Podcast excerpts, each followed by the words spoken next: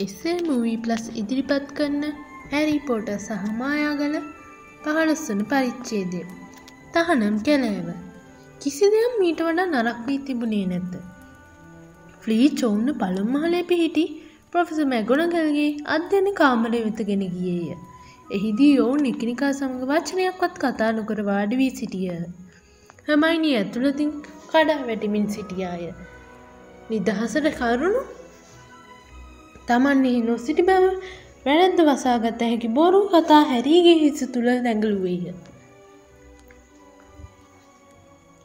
සියල් නිෂ්පල මෙවර ගැලවී හැකි ක්‍රමයක් කොහුට නොපෙනේ ඔවුන් කොටු විය ඔවුන්ගේ ලෝගු අමතක් කිරීමට තරම් මෝඩ වූයේ කෙසේද කාමරෙන් නොසිට මහරයි ස්කෝල පුරා ඇවිදිනෙක් ගැන පොෆෙස මැගුණගල් පිළිගන්නා කිසිම හේතුවක් මෙලවනු විය. ඊටත් වඩා පන්තියකට හැරෙන්නට දුරක්ෂ සහිත උත්සම කුල්නට යාම සිසුන්ට තහනම් විය. නෝබට් සහ දිසි ලෝගොත් මෙයට එක්වූ විට දැන්ටවත් ගෙදර යාමට බෑග් ගැසීම සුදුසුමෙන් දැනින. මේ මීට වඩා දරුණු විය හැකි බව හැරි සිතුවාද. ඔහු වැරදිය පොෆෙස මැගුණගල් පැමිණෙන විට නෙවිල්ද කැඳවාගෙනාවාය. හැරී අනිත්‍ය දෙන දුට හැටියම නෙවිල් ලඩන්නට පටන් ගත්තේය. මම ඔයාලව හොයන්න හැදුව අනතුරු අඟවන්න. මට ඇහුණ මැල්ෆෝයි ඔයාව අල්ලගන්නවා කියනවා. එයා කිව්වා ඔයාළඟ මක් හැරි නෙවිල්ට කටවහගන්න අඟ පිස්සෙන් මෙ නිසි වනුවේය. නමුත් පොෆෙස මැගුණගල් එදුටුවාය ඇය ඔවුන්ට ලංවත්ම හුස්ම හෙල්වෙන් නෝබෙට්ටත් වඩා ගින්දර විදින්නක් මින් දනවමිනි. ඔයාල කිසි කෙනෙක්ගෙන් මම මේක බලාපොරොත්තුන්නේ නෑ ප්ලීච් මහත්තය කියන ඔයාල අභ්‍යවකාශ විද්‍යාගුල්න හිටිය කියලා දැන් පාන්දර එකයි වෙලාව ඒ ගැන තමුල්ලට මොකද කියන්න තියෙන්නේ. ඒහමයිනී ගුරුවරයකට උත්තර බැරිව් පළම් වතාවිය. ඇයි පිළිමයක් මෙන්න ගෙසෙරප්පු දෙසම් බලා සිටියාය.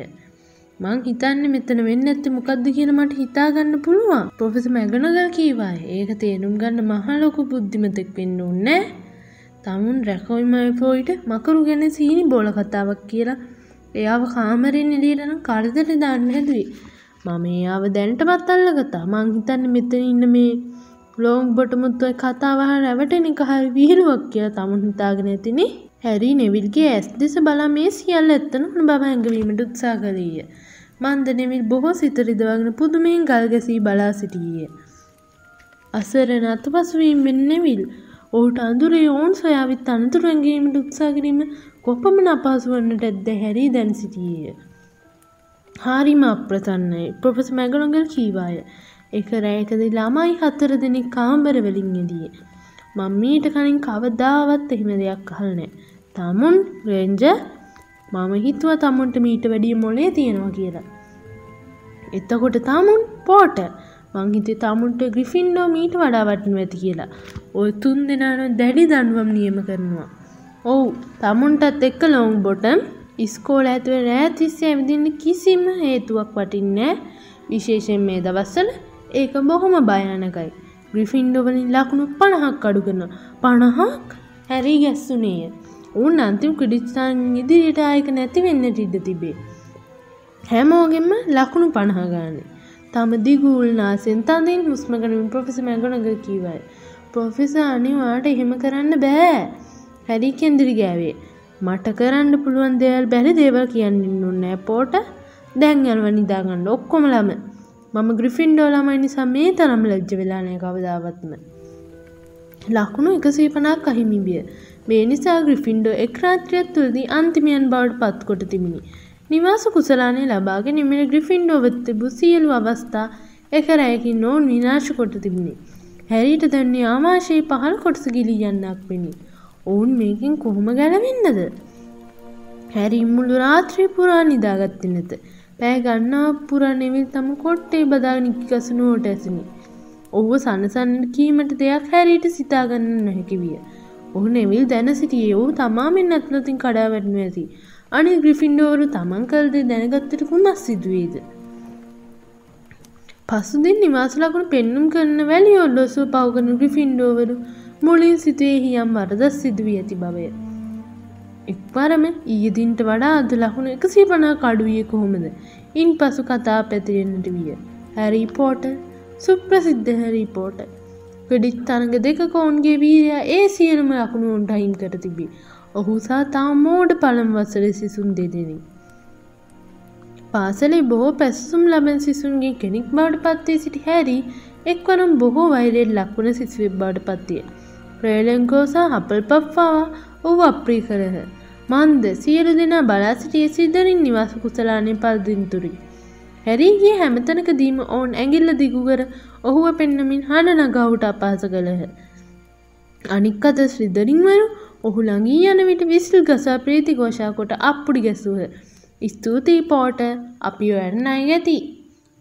ඔහුගේ පැත්තර සිටිය රොන් පමණි. එයා ලොක්කොමක සතිකීපයක් කෙනකොට අමතක් කරයි. ෆ්‍රෙජ්ජෝජ් දෙන්න මෙහිට මුළු කාලම ගොඩල් ලකුණු කපාගෙන තියෙන. ඒත් එයාලට තාම හැමෝම ආදරේනේ. එයාලා කවදාවත් එක පාගෙන් එකසිය පණන් නැතිකරගෙන නෑ නේද. එහෙම තියෙනවද. හැරි දුකින් නැහැ රොන් පිළිගත්තේය. සිදුහානිය පිළිසකර කිරීමට පමා වූවා වැඩිය. නමුත් මින් පස් තමාට අදාල් නැද්දේත් සම්බන්ධ නොවන්න හැරි තමාටම දිව්වේය. රාසින් හැමතැනම ගොස් ඔත්තු බැලීම ඔහුට එපාවිය.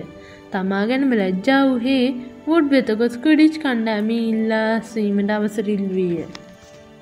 අස්සෙන්න වුඩ් කෑගෙව්වේ ඒකින් වෙන හොඳේමකක්ද අපි ගුඩිච්චලින් දින්වෙනත්තන් ලකුණු කීයක් හරි ආපව් ගන්න කොහොමද නමුත් කිඩිච් කෙන තිබූ විනෝදයක් නැති වී තිබුණි කණ්ඩායමි අනිත්තය හැරි සම කතා කළේ නැත.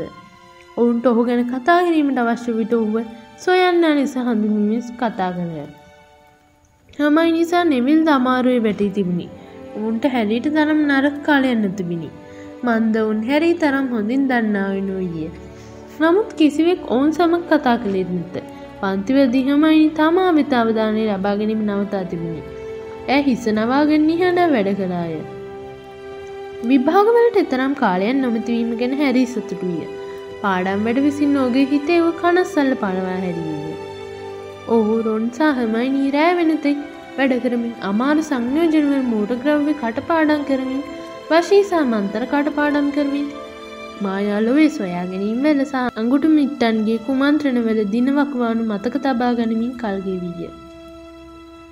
ඉන් පසු විභාග ආරම්භවීමට සතියත්ත බැහැරී ඒ තමන්ට අදාල් නැතිව දේවල්වලට අත නොවැමීම් බලාපොරොත්තු පරීක්ෂාවට ලක්කෙන්නේ.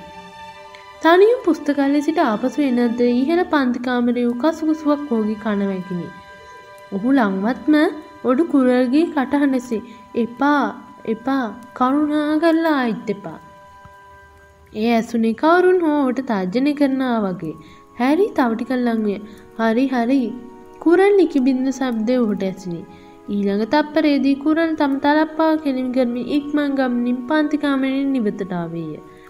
ඔහු සුදුමැලිවී අඩන්නට ඔන්න මෙන්න මෙන් පෙන්නේ ඔහු නෙපනී ගියේය. ඔහුට තමා පෙන්නේවත් නැති බව හැරීට දැන්නේ. කුරල්ගේ අඩිහන් නැතිවී යන්තෙක් හැරී නැවතුනේය. ඉන් පසෝ පන්තිකාමරයට බී බැලුවේය. ඒ හිස්සුවත් අනික් පසදොර යුත්තව තිබිණි. හැරි දොරවෙත අද්දී තමා තමන්ට මූ පොරොන්දු මතක් විය. ඒ සමඟ තමන් ස්නේප්ස් එම කාමරෙන් දැම් පිට වූ බවට මායා පාශාන දොළහක් ඔට්ටු තියෙන තරමට විශ්වාස කළේ. තමාට ඇසුන දේ යනු ස්නේප් සතුටින් උඩ පනමින් යනු ඇති බව උට හැඟිනි. අවසානය කුරල් ඇටත් වී තිබේ. හැරි පුස්තකාලය වෙත ආපසු යද්දී හමයිනීරොන්ගේ අභ්‍යකාශ විද්‍යාදන පරීක්ෂා කරමින් සිටියාය. හැරි තමාට ඇසුණු දේ ඔවුන්ට කීවේය. එහෙනම් ස්නේප් එක කයා රොන් කීවේය. කුරල්ලයාට කිව්වනම් තමන්ගේ අඳුරු බලවේගවලට එරෙහි මන්තරය කන්න විදිහ ඒ තම පැෆි ඉන්නවනේ හමයිනි කීවාය. සමහර විට හැග්‍රිඩ්ගෙන් අහන්නැතුව ස්නේපුුව පව්කරන විදි හොයාගත්ත වෙන්න පුළුවන්. තමා වටාව දහස් ගනක් පොද්දෙස් වලින් රොන් කීවේ. ඔට්ටුයි මේ කොහැරි පොත්තක්කද යෝදෝ ලුතුනේ බල්ලෙක්ව හීලෑ කරගන්න විදිහ. ඉතින් අපි මොකද කරන්න හැරි වික්‍රමාන්විතයක ආලෝක හෙරොන්ගේ ඇස්සල් නැවත දිලිසුනිය. නමුත් හැරීට පෙර හමයිනි උත්තර දුන්නය. ඩම්බල්ඩෝ ළඟට යන්න ඒ අපිට කරන්න තිබ්බේ කාලෙකට කලින් අපි තනියම් මොනාරි කරන්න හැදුවොත් අනිවාරෙන් අපි එලියට දානවා. ස්නේප්ටි කියන් තියෙන හැලෝ වින්දවසි ට්‍රෝල් ඇත්ලට අප ගැඩි දන්නෑ කියන්නයි. එයා තුන්ගෙන තට්ටු පැත්තුවත් හිටිය නෑ කියන්න විතරයි. එයාලා කාවිශ්වාස කර ඇති කියලා ඔයාලා හිතන්නේ. එයාවද අපිවද අපි අයට වෛර කරනවා කියනක රහසක් නෙමේනි ඩම්බල්ඩෝ හිතයි අපි අව අයින් කරන්න කතාවක් හැදුව කියලා. ෆ්ලීච්චු දව් කරයි ඒක එයාගේ ජීවිතයට ප්‍රශ්නයක් විතරන්නම්. එයා ස්නේප් එක්ක ගොඩක් යාලුයි අනික ළමයි වැඩිපුර එලියට දාන තරමට හොඳයි කියලා එයා හිතන්නේ. අනික අමතක් කරන්න එපා අපි පාෂාණය ගැනවත් ලිපී ගැනවත් දැනගන්න තහනම්. ඒ ගැන ලොකු විස්තරයක් කරන්න වෙයි. හමයිනයේ පිළිගත් බා පෙන්න ටොන් නිසිනවිය. අපි පොඩ්ඩක් වටපිටාවට එබිල බැලුවොත් බෑ හැරි ස්තීරව කීවේ. අපි වටපිට එබිකම් කර හොඳටම ඇති. ඕ බ්‍රාස්පතිරායාගේ සිතියමක් කෙලියරගෙනෙහි චන්ද්‍රයන්ගෙනම් කටපාඩන් කරන්න පටන් ගත්තේය. පසුදා උදැසන කෑම්මේ සේදී හැරී හමයි නිසන්නේවිල් වෙත සටහනක් ලබා දෙන්න ලදී. ඒවා යුයි එක සමාන සටහනගේ ඔබගේ දඩු මධරාත්‍රී කුලල් ක්‍රියාත්මක වේ. ෆ්ලීච් මාතාව ඇතුල්ලිමේ ශාලාවේදී හමුවන්න. ප්‍රොෆෙස මැගුණග. අහිම වූ ලක්නුවලට අමතරව දඩුවම විඳීමට තිබෙන බව හැරීට අමතක වී තිබිණි. පාඩම් කිරීමට තිබෙන සම්පූර්ණ රාත්‍රයක් අපත යන බවකින්මින් හමයිනි මැසිවිලි කියතැයි හැරී බලාපොරොත්තුවත් ඇය වචනයක්වත් නොකියාය. හැරීට මෙන්න ඇයට ඒ තමන්ට ලැබී යුත්තක් බව දැන්නේ. එදින රාත්‍රී එකොළහට ඔවුන් පොදු කාමරේදී රොන්ට සමුදී නෙවී සමඟ ඇතුල්ලීම ශාලාවට ගියහ. ෆ්ලීච් දැන්ටමත් එහි පැමිණි සිටියේ මැල්ෆෝයි දෙහිවිය. මැල්ෆෝයිට දනුම් ලැබුණ බව හැරීට අමතක වී තිබුණි. මගේ පස්සෙන් ඉන්න. ලාම්පුවත් දල්වා පිටතට යමින් ෆ්ලීච් කීවීය. ඔට්ටු මීට පස්සෙනම් ස්කෝල් නීතියක් ආපව් කඩන්න කලින් දෙපාරක් හිතයිනේ. ඔහු ඔවුන් දෙස බැල්මක් කෙළමින් කීවේ. ආ ඔව් මං කියන්නේ බර වැඩයි වේදනාවයි තමා හොඳම ගුරුවරු. එයාල පන්න දන්වම කරුණ ඇති කල්ල දානක නම් හරිම දුකක්.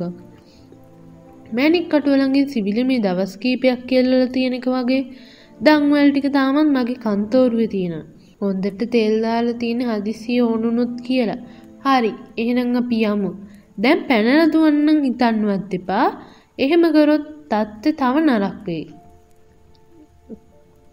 ඔවුන් අඳුරු පිට්ටනිය හරා ගමන් කළෝය. නෙවිල් එක දිගට නහය ඉහළට ඇද්දී තමන්ගේ දනුම කුමක් වේදැයි හැරී සිතමින් සිටියේය. ඒ මහා භයානක එකක් වෙන්න ඕනේ. නැත්තම් ෆ්ලීච් මේ තරම් සතුටු වෙන්නේ නැහැ. සඳ දීප්තිමත්ව දිලිසුණේය. නමුත් වලාකුළු ඒ මතට පනිමින් ඔවුන් අඳුරේ තබන්නට උත්සාහ කළේය. ඉදිරින් මොට හැග්‍රීඩ්ගේ ආලෝකමත් කුටියේ ජනේල පෙන්නි. ඉන්පසු උන්ට ඇතින් කෑගල්සන හනත් නැත්සුනි. ෆ්ලීච් ඒ ඔයාද ඉක්මං කරන්න මං පටන් ගන්න ඕනේ. හැරිගේ හදව සතුටිනුට පැන්නේය. ඔවුන් හැග්‍රිඩ් සමඟ වැඩ කරන්නට යනවානම් ඒ තරම් නරක් වන්නට නොහැකිය. ඔහුගේ සැනසී මුහුණෙන් පෙන්නා විය හැක. මන් දෙයක් ෆ්‍රීච් මං හිතන්න ඔයා හිතන ඇති අර පිරිසරයක් වැඩගන්නින් විනුවද වෙන්න පුළුවන් කෙල්නේ හොඳයි. ආ පව් හිතල බලන්න කොළුවෝ. ඔයාල යන්නේ කැලේට. ඔන්න කට්ටිය මේ හතින් ආවත් මට හොඳටම වැරදිල කිව්වහැකි. මෙහිදී නෙවිල් පොඩි අඳෝනා පිටකඩේ මල්ෆෝයි එතනම ගල්ගසී නැවතුනීය. කැලේට ඔහු කීවේය. අපිට රෑට ඔකට යන්න බෑ. ඒගේ නානප්‍රකාරදේවල් තියෙනවා. මං අහලා තියෙනව නරවූරුකෙවින්නවලු. නෙවිල් හැරී කබාතින් තදින් අල්ලාගෙන යමක් හිරවුණක් වෙන ශබ්දයක් පිට කළේය. ඒක ඔයාගේ ප්‍රශ්නයක් එහෙම නේද ෆ්ලීච් සතුටින් කීවේ. නරවෝර්කය ගැන හිතන් තිබ ප්‍රශ්නදාගන්න කලින් නැද්ද මං අහන්නේ. හැග්‍රීට අඳුරින් එලියට විස් ෆෑන් සමගින් ඕන් ඉදිරියටාවේ. ඔහුතා විශාල දුන්න රගෙන අතර ඔහුගේ උරහිසේ ඊතල මිටියගෙනුත් රන්දවනයක් කෙල්ලාගෙන සිටියේ. වෙලාව තමයි ඕ කීවේ. මන් දැන්ටමත් පැයිභාගයක් බලාගෙන හිටිය. හරි දෙහෙනම් හැරි හමයිනි මම නම් එයාලට ඕනාවට වඩා යාළුකම් පෙන්න්න නෑ. හැක්ඩිට් ෆ්ලික් සීතල් ලෙස කීවේ මොන අවුනත් අන්තිමට යාල මෙතනින්න දනුවමට ඒකයි පරක්කු නේද? හැක්ඩිට් රාමින් කීවේ එයාලට දේශනා දිදී හිරියන්නේ ඒව ඔයාගේ තැනදි කරගන්න. ඔයා තමන්ගේ කොටස කරන්නේ මෙතනිල්ල මං කරගන්න. මං පාන්දරට එන්න. ප්ලීච් කීවේ. එයාලගේ මොනහරි ඉතුරුලා තිබ්බෝ? ඔය ජරාවිදියට කියා දමා ආපසු හැරි මාලිගේ දෙසර ගමන් කළේය. ඔහුගේ ලාම්පු අඳුරතුනින් පාවෙනි පෙන්වි. මල්ෆෝයි හැග්‍රිඩ් වෙත හැරුණේය. මං අර කැලේට යන්න ඇෝ කීවේය. ඕගේ හඩේ උබයි ඇසි හැරි සතුටුවිය. ඔක්වර්ඩ්ස් වල ඉන්න ඔන්න යයි. හැග්‍රීට් තිවල්ලස කීවේ. වැරදි කරන්න දැන් ඒකට ගිවන්න වෙනවා. ඒත් මෙය වැඩකාරෝ කරන්න දේවල්. ඒවතින් ළමයින්ට කනන් නෙමේනේ මංහිතුවේ අපිට මොනරි බලාගන්න ලියන්න වගේ දෙයක් දෙයි කියලා. මගේ තාත්ත දන්නවා නම් මං මේම කරනවා කියල එයා එයා කියයි හොග්ගෝඩ්සල හිම තමයි කියලා. හැග්ඩිට් ගෙරෙව්වේ බලාගන ලියන්ද ඒ කරා කිය කාටවත් හොඳක් වෙනාද තමුන් මොනාහරි ප්‍රයෝජනවත් දෙයක් කරයි. නැත්තං එදියටයයි තාත්ත කැමති වේ කියලා හිතනවන ඉස්කොලින් අස් කරනුවට ආපව මාලිගාවටකින් බඩු අවරගන්න යන්න ඉතින්. මෑෆෝයි හෙලවුනේ ඇත. ඕ හැක්ඩිත් දෙස් දරුණු ලෙස බලා සිටියේ. නමුත් ඉන් පස් තම විලාශ අත ඇර දැම්මේය හාරී එහෙනම් හැග්‍රිඩ් කිවේ දැන් හොඳ රහගණ්ඩ මොකද අපි අද රෑට කරන්න යන භයානක දෙයක්. කවුරුත් තමාරු වැටනෝ දකින්න මට ඔන්න පොඩ්ඩක් මගේ පස්සෙ මෙහාට එන්නකෝ ඔහු කැලෑ පටන් ගනිතැන්ට ඔන්න කැඳවාගෙන ගියේ තම ලාම්පුුව ඉහලට ස්වාව් ගානකම් කළු පැහැගස් අතරින් නොපෙනී යන පටු අංගු සයිත අඩි පාරක් පෙන්වේය. ඔවුන් කැලේ දෙස බලද්දී පැමිණි මද සුළඟක් විසින් ඔවුන්ගේ කෙස්කෙලින් කරවීය. අර බලන්න. හැක්ඩිට් කීවේය. අර බීම දිලිසෙන දෙ පේනවද. රිදී පාටදේ ඒ කංගවේනගේ ලේ. මෙහි මොකක් නිසා හොඳටම තුවාල වෙච්ච කංගවේනෙක්කින්නවා. මේ එහෙම එක සතියක් අත්ලට වෙච්ච දෙවනි පාර. මට ගිය බදද මැරිච්ච එකෙක් කම්බුණා. අපි ඒ අසරණයෝ සොයන්න උත්සාහ කරන්න යන්නේ. සමහර විට ඌගේ දුකෙන් ගලවන්න වෙයි. එතෝට කංගවෙනට තුවාල කරපු මොකාරි ඊට කලින් අප හොයාගත්තොත් මොකද කරන්නේ. තම හඬේ උබය පාලනය කරන්න හැකිව හැයි මැල්ෆෝයි ඇසුවේ. මම හරි ෆෑන්හල් ළඟඉන්නකං මේ කැලේ ඔයාට කරදර කරන්න කිසි දෙයන්නේ. හැග්‍රිඩ් කීවේය. අනික පාරෙන්ම යන්න. හරිද. දැන් අපි දෙකට බෙදල පාර දෙකේ දෙපැත්තෙන් යන්න ඕනි. ලේ හැමතැනම තියෙනවා ඌ අඩුගාන ඊයරයින් ඉඳලවත් හැමතැනම දඟලන්න ඇති. මට ෆෑන්ගෝනේ ෆෑන්ගේ දිගු දත් දෙස බලම මැල්ෆෝයි වහ කීවේය. ආ හරි. ඒත් කියන්න උනෝක කපටිය. හැග්‍රිඩ් කීවේය. එතකොට මමයි හැරී හමයිනී එක පැත්තකට එනවා. ඩ්‍රැකෝ නෙමිල් ෆෑන් අනිත් පැත්තරෙනවා දැන් අපි කාඩාරි කඟවෙනවා හම්බුණුත් කොළපාට ගිනි පුපුරු අහසට යනවා. හරිද? කෝදැන් ඔයාලගේ යෂ්ටි එලියටන්නම් පුරුදුවෙන්න එහෙම තමයි. එතකොට මොනාරි ප්‍රශ්නයක් වුණොත් රතු ගිනි පුපුරු යවන්න. එතකොට අපි ඔක්කොම ලැවිත් ඔයාලාව හොයාගන්න. එහෙනම් පරිස්සං වෙන්න යන් කැලෑව කළුපාට සහ නිහඬය ඔවුන්මදක් ඇතුළට ඇද්දි අඩිපාර බෙදුනි හැරි හමයි නිසා හැක්ටීට් වම් පැත්තේ පාරෙත් මැල්ෆෝයි නෙවී සෆෑන් දකුණු පැත්ති පාරෙත් ගමන් කළහ. ඔවුන් නිහඬ බිම්බලාගෙන ගමන් කළහ. තැනින් තැන අතුපත්තරින් වටනු සඳේලිය වැදී හැල්නු පොළවලූන් නිල්වන් රිදීමෙල්ලේ පැල්ලම් දිරිසිනි. හැග්‍රීට් බොහෝ දුක්කෙන බව හැරීට පෙන්නේ. නරබූර්කයෙක් කංගවෙනන්ව මරණව වෙන්න පුළුවන්ද? හැරි ඇසුවේය. වේග මදි හැග්ඩිට් කීවේ කංගවෙනෙක් කල්ලගන්න එක ලේසි නෑ. උන්හරි බලවත් මායා සත්තු මීට කලින් එකෙක්වත් තුවාල විලා හිටිය කියල මං කවදාවත් අහලනෑ නොන් දියසවල් බැඳුන් ලී කොටයක් පසු කළහ. ඔවුන්ට වතුර ශබ්දයසිනි ළඟපාතක දිය පාරක් ඇති. තාමත් වංගු සහිත පාරෙත් තැන තැන්න ලේ පැල්ලන් දන්කන නැබ්නි ඔයා හොඳින්ද හමයිනි? හැක්ඩිට් රහසින් ඇසුවේය බයවෙන්න එපා ඌ මේ තරම් තුවාල වෙලානම් ගොඩක් දුර යන්න විදිහන්නෑ එතකොට අපිට පුළුවන් අර ගහපිට පස්සර යන්න හැග්‍රිඩ් හැරිසා හමයි නිවල්ලාගෙන ඔවුන්න පාරෙන් එලියටගෙන විශාල ඔග්ගස පිටුපසට ගෙන ගියේය. ඔහු ඊතලයක් ගෙන දුන්නටම්නා විදීමට සූදානම් වූයේ තිදෙනා මසා සිටිය.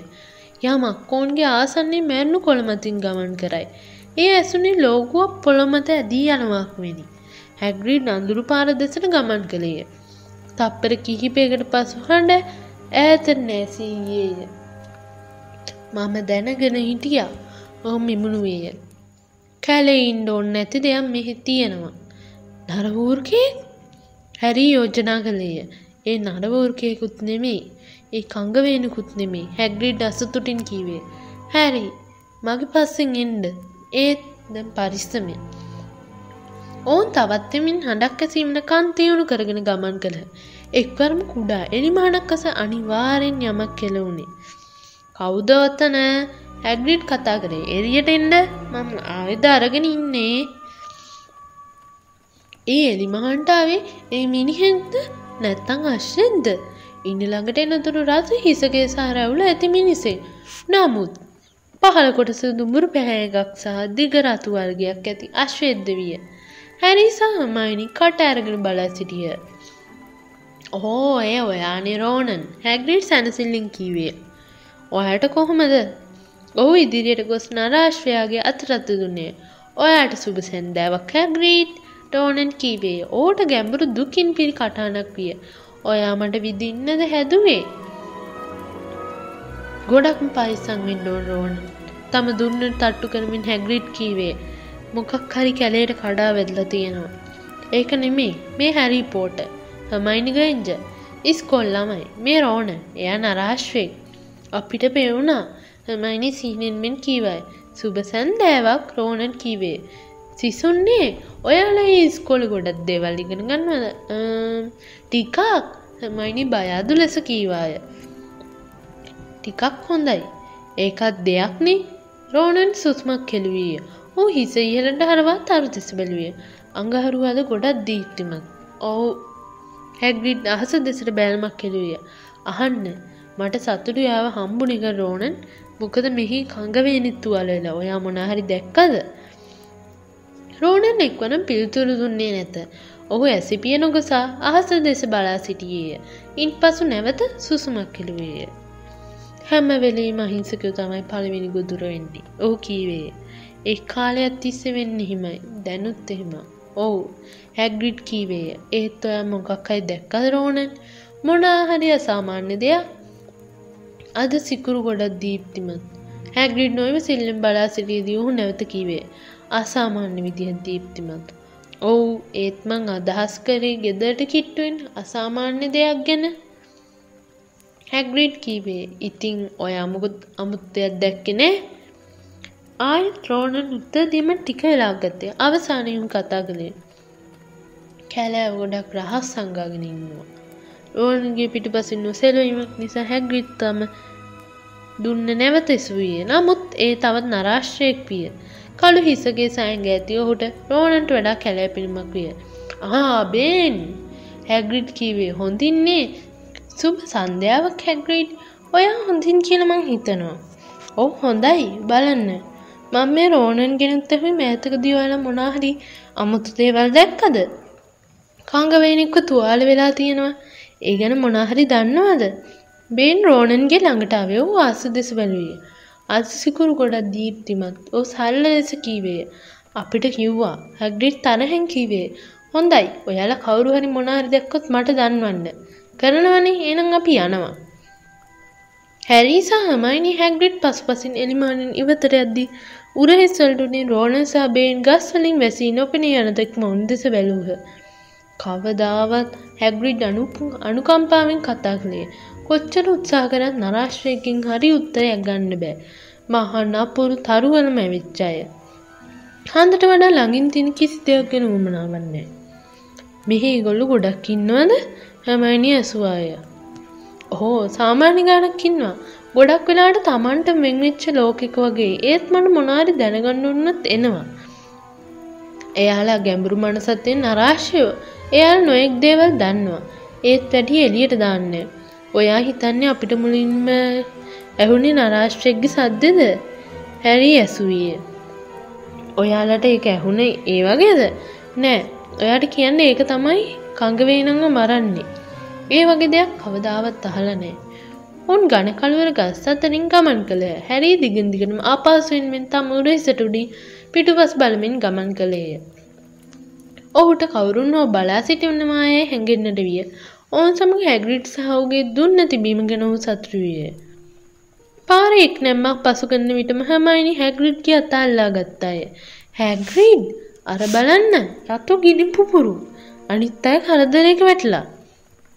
ඔයාල දෙන්න මෙතන මින්ඩ හැග්‍රිඩ් කෑගසුවිය පාරමින්ඩ මම අප ඔයාලාව ගන්න එන්නම් ඔහු පඳුරු පොඩි කරගෙන යන හඬ ඔවුන්ට ඇසිනි. ඔවුන් බයින් ගැහිමින් ගස්සල කොළ හැලෙන හඬ ඇසෙන තරම් නිහඬව එකිනෙකා දෙස බලා සිටීහ. ඔයාට හිතන්නේද්ද යාලට තුවාල වෙලා කියලා? හර්මයිනි විමුණු අය. මැල්ෆෝඩ් මොනවා වුණත් මට කමන්නේ. ඒත් මොකක් හරි නෙවිල් වල්ල ගත්තොත් එයා මෙතන ඉන්න එකත් අපේ වැරද්දෙන් නෙවුනේ. විනාඩිය විනාඩිය ඇදී ගියේ. ඔවුන්ගේ කන සාමාන්‍ය ප්‍රමාණයට වඩා තියුණු විය. හැරි හැම හුලංචද්දයක්ම හැම කෝට්ටක් කන්න හඬක්ම ග්‍රහණය කරගත්තේ.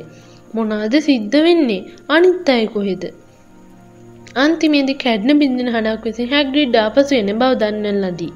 මැල්ෆෝයි නෙවිසා ෆෑන් ඔහු සමග විය. ඇග්‍රිඩ් තරහැම් පුපුරමින් සිටියේ. පේන විදිහට මැල්ෆෝයි විහිළුවට සිතා නෙවිල්ගේ පසුපසින් හෝරෙන් පැමිණ ඔහුම අල්ලාගෙන තිබේ. බය වූ නෙවිල් අහසට ගිනි පුපුරු යවා තිබේ. දැන් ඉතින් අපිට මොනාහරි අල්ලගන්නම් වාසනාව තියෙන්න ඕනේ. ඔය දෙන්න කරපු නාඩගමත් එක්ක. හරි අපි කට්ටිය මාරු කරමු. නෙවිල් ඔයා මමයි හැමයිනි එක්කින්න. හැරි ඔයා ෆෑන් වරම් මේ මෝඩයත් එක්ක යන්න. මට සමාවෙන්න හැග්‍රිඩ් හැරිට රහසින් කීපේය. එයාට ඔයා බය කරන එක නම් අමාරුවේ. අනික අපි මේ වැඩේ කොහොමහරි කරන්නත් ඕනේ.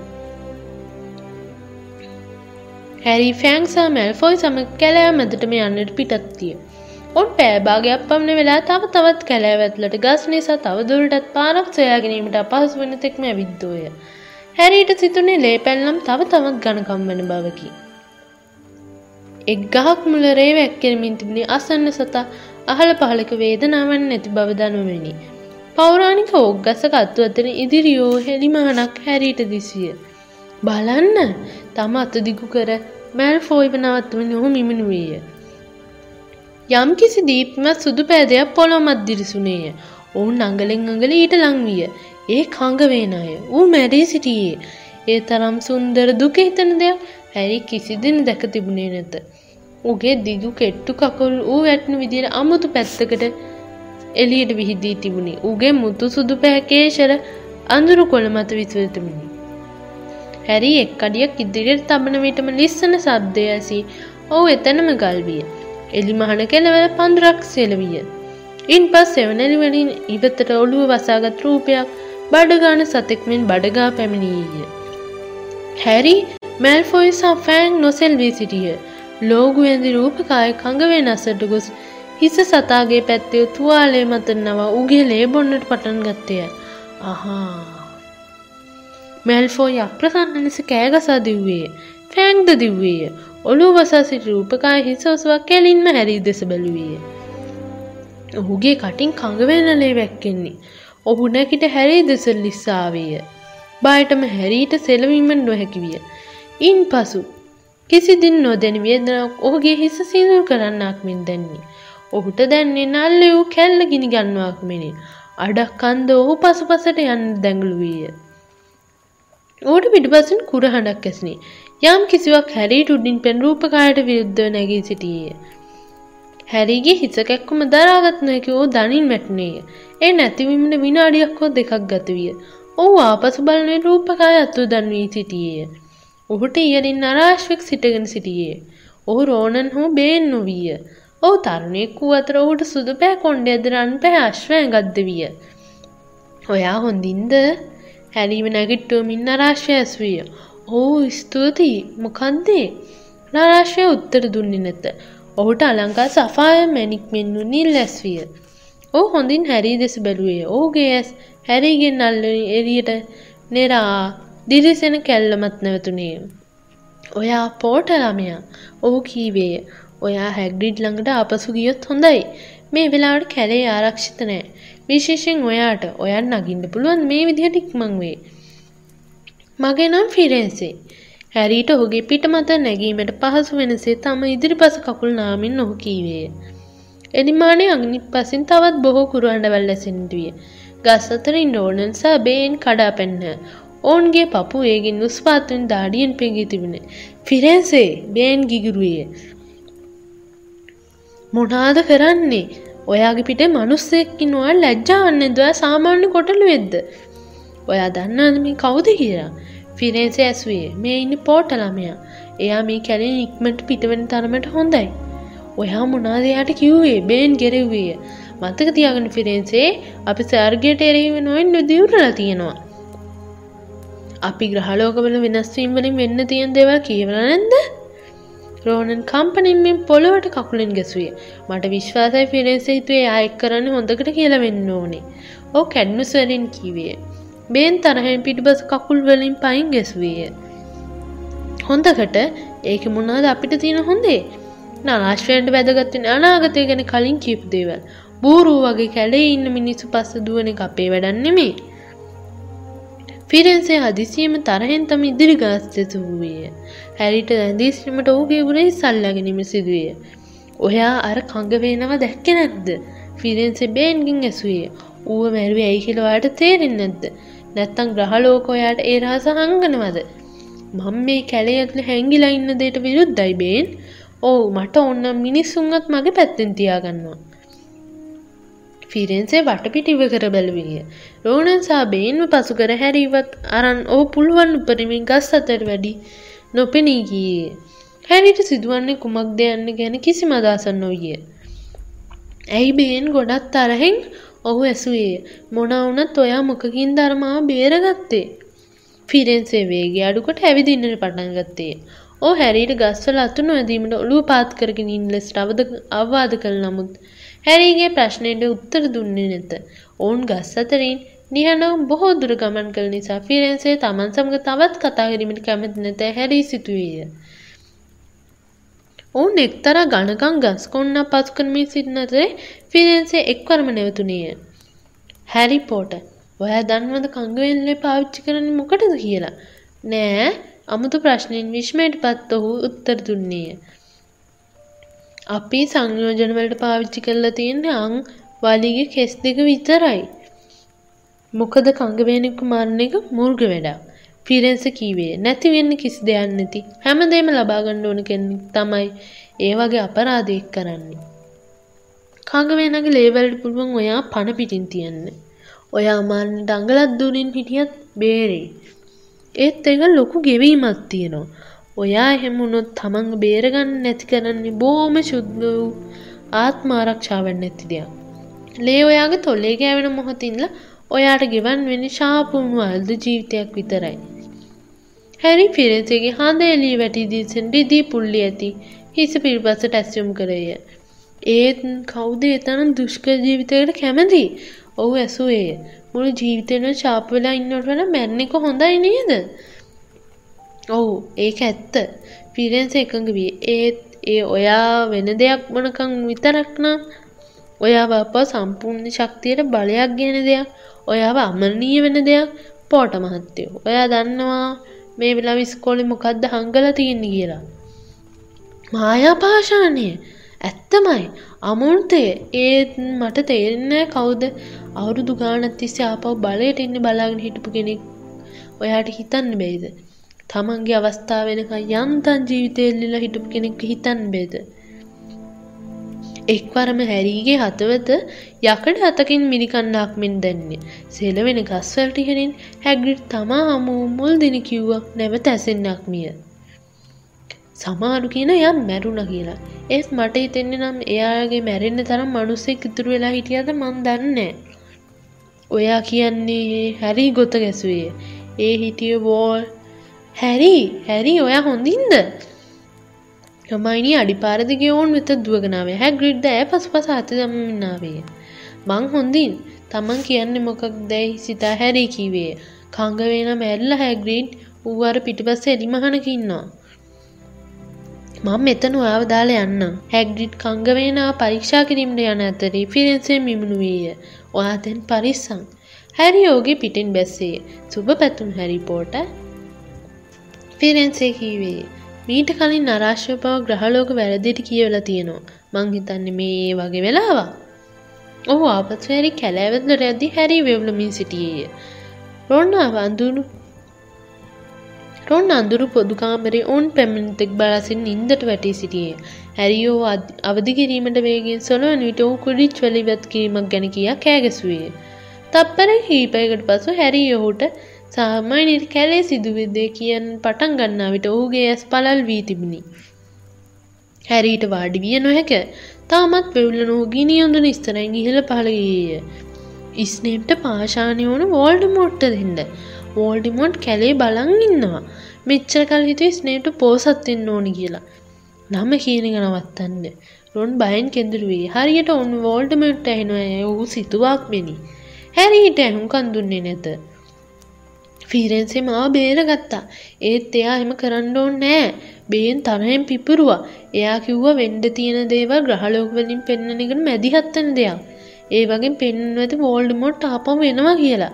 බේන් හිතන්නේ ෆිරෙන්සේට මාව වෝල්ඩමොට් මරන්න ඉඩ දෙන්න තිබ්බ කියලා. මං හිතන්නේ තරුවල හෙමත් ලියවිලා ඇති. ඔයා නම කියනක නවත්තනවද? රොන් කේන්තින් කීවේය. ඉතින් මට තියෙන ස්නේ පාශානය වරකං කරන එක නවත්තන්න. ඉතින් මට දැන් තියෙන ස්නේ පාශානය හොරකං කරනකං ඉන්න. හැරි උන විකාරෙන්මෙන් කියව්වේ. එතකොට වෝල්ඩ මොට්ට පුළුවන් ඇත් මා විවරයක් කළ දන්න. ඔහු මං හිතන්න එතකොට බේන් සත්තුට වේ. මයිනි බොහෝ බයව්වක් බබක් පෙන්නේ. නමුත් ඇය සැන්සීමගෙන යමක් කියව්වාය. හැරි හැමෝම කියන නම නොකිනගෙන බයවුනේ ඩම්බල්ඩෝට විතරයි කියලා. ඩම්බල්ඩෝ ළඟ පාතින්ගුන් නම නොකිනගෙන ඔයාව අල්ලන්නවත් නෑ. අනික කවුද කියන්න අරාශ්‍යය හරි කියලා. මට නම් මේක දැන ශාස්තරයක් වගේ ප්‍රොෆෙස මැගුණගල කියන්නේ ඒවා කිසි වැදගම්මගෙන නැති මායාවල් කියලා. ඔවුන් සාකච්ඡාව ඉවරවීමට පෙරම ඉරේලිය වැටෙන්නට පටන්ගෙන තිබුණි. ඔවුන් තේට්ටුවෙන් යුතු නින්දර ගිහ. ඔවුන්ගේ උගුර වියලී ගොස් තිබුණි නමුත් රාත්‍රී පුදුම කිරීම් ඉවර වී තිබුණේ නැත. තම් පොරවන අදිනුවට ඊට යටින් පිළිවෙල නැවුත් තම අදිසි ලෝගුව තිබුණු හැරීට හමේ. එයට සටහනක් අනුව අමුණා තිබිණි. ඕන වුණොත්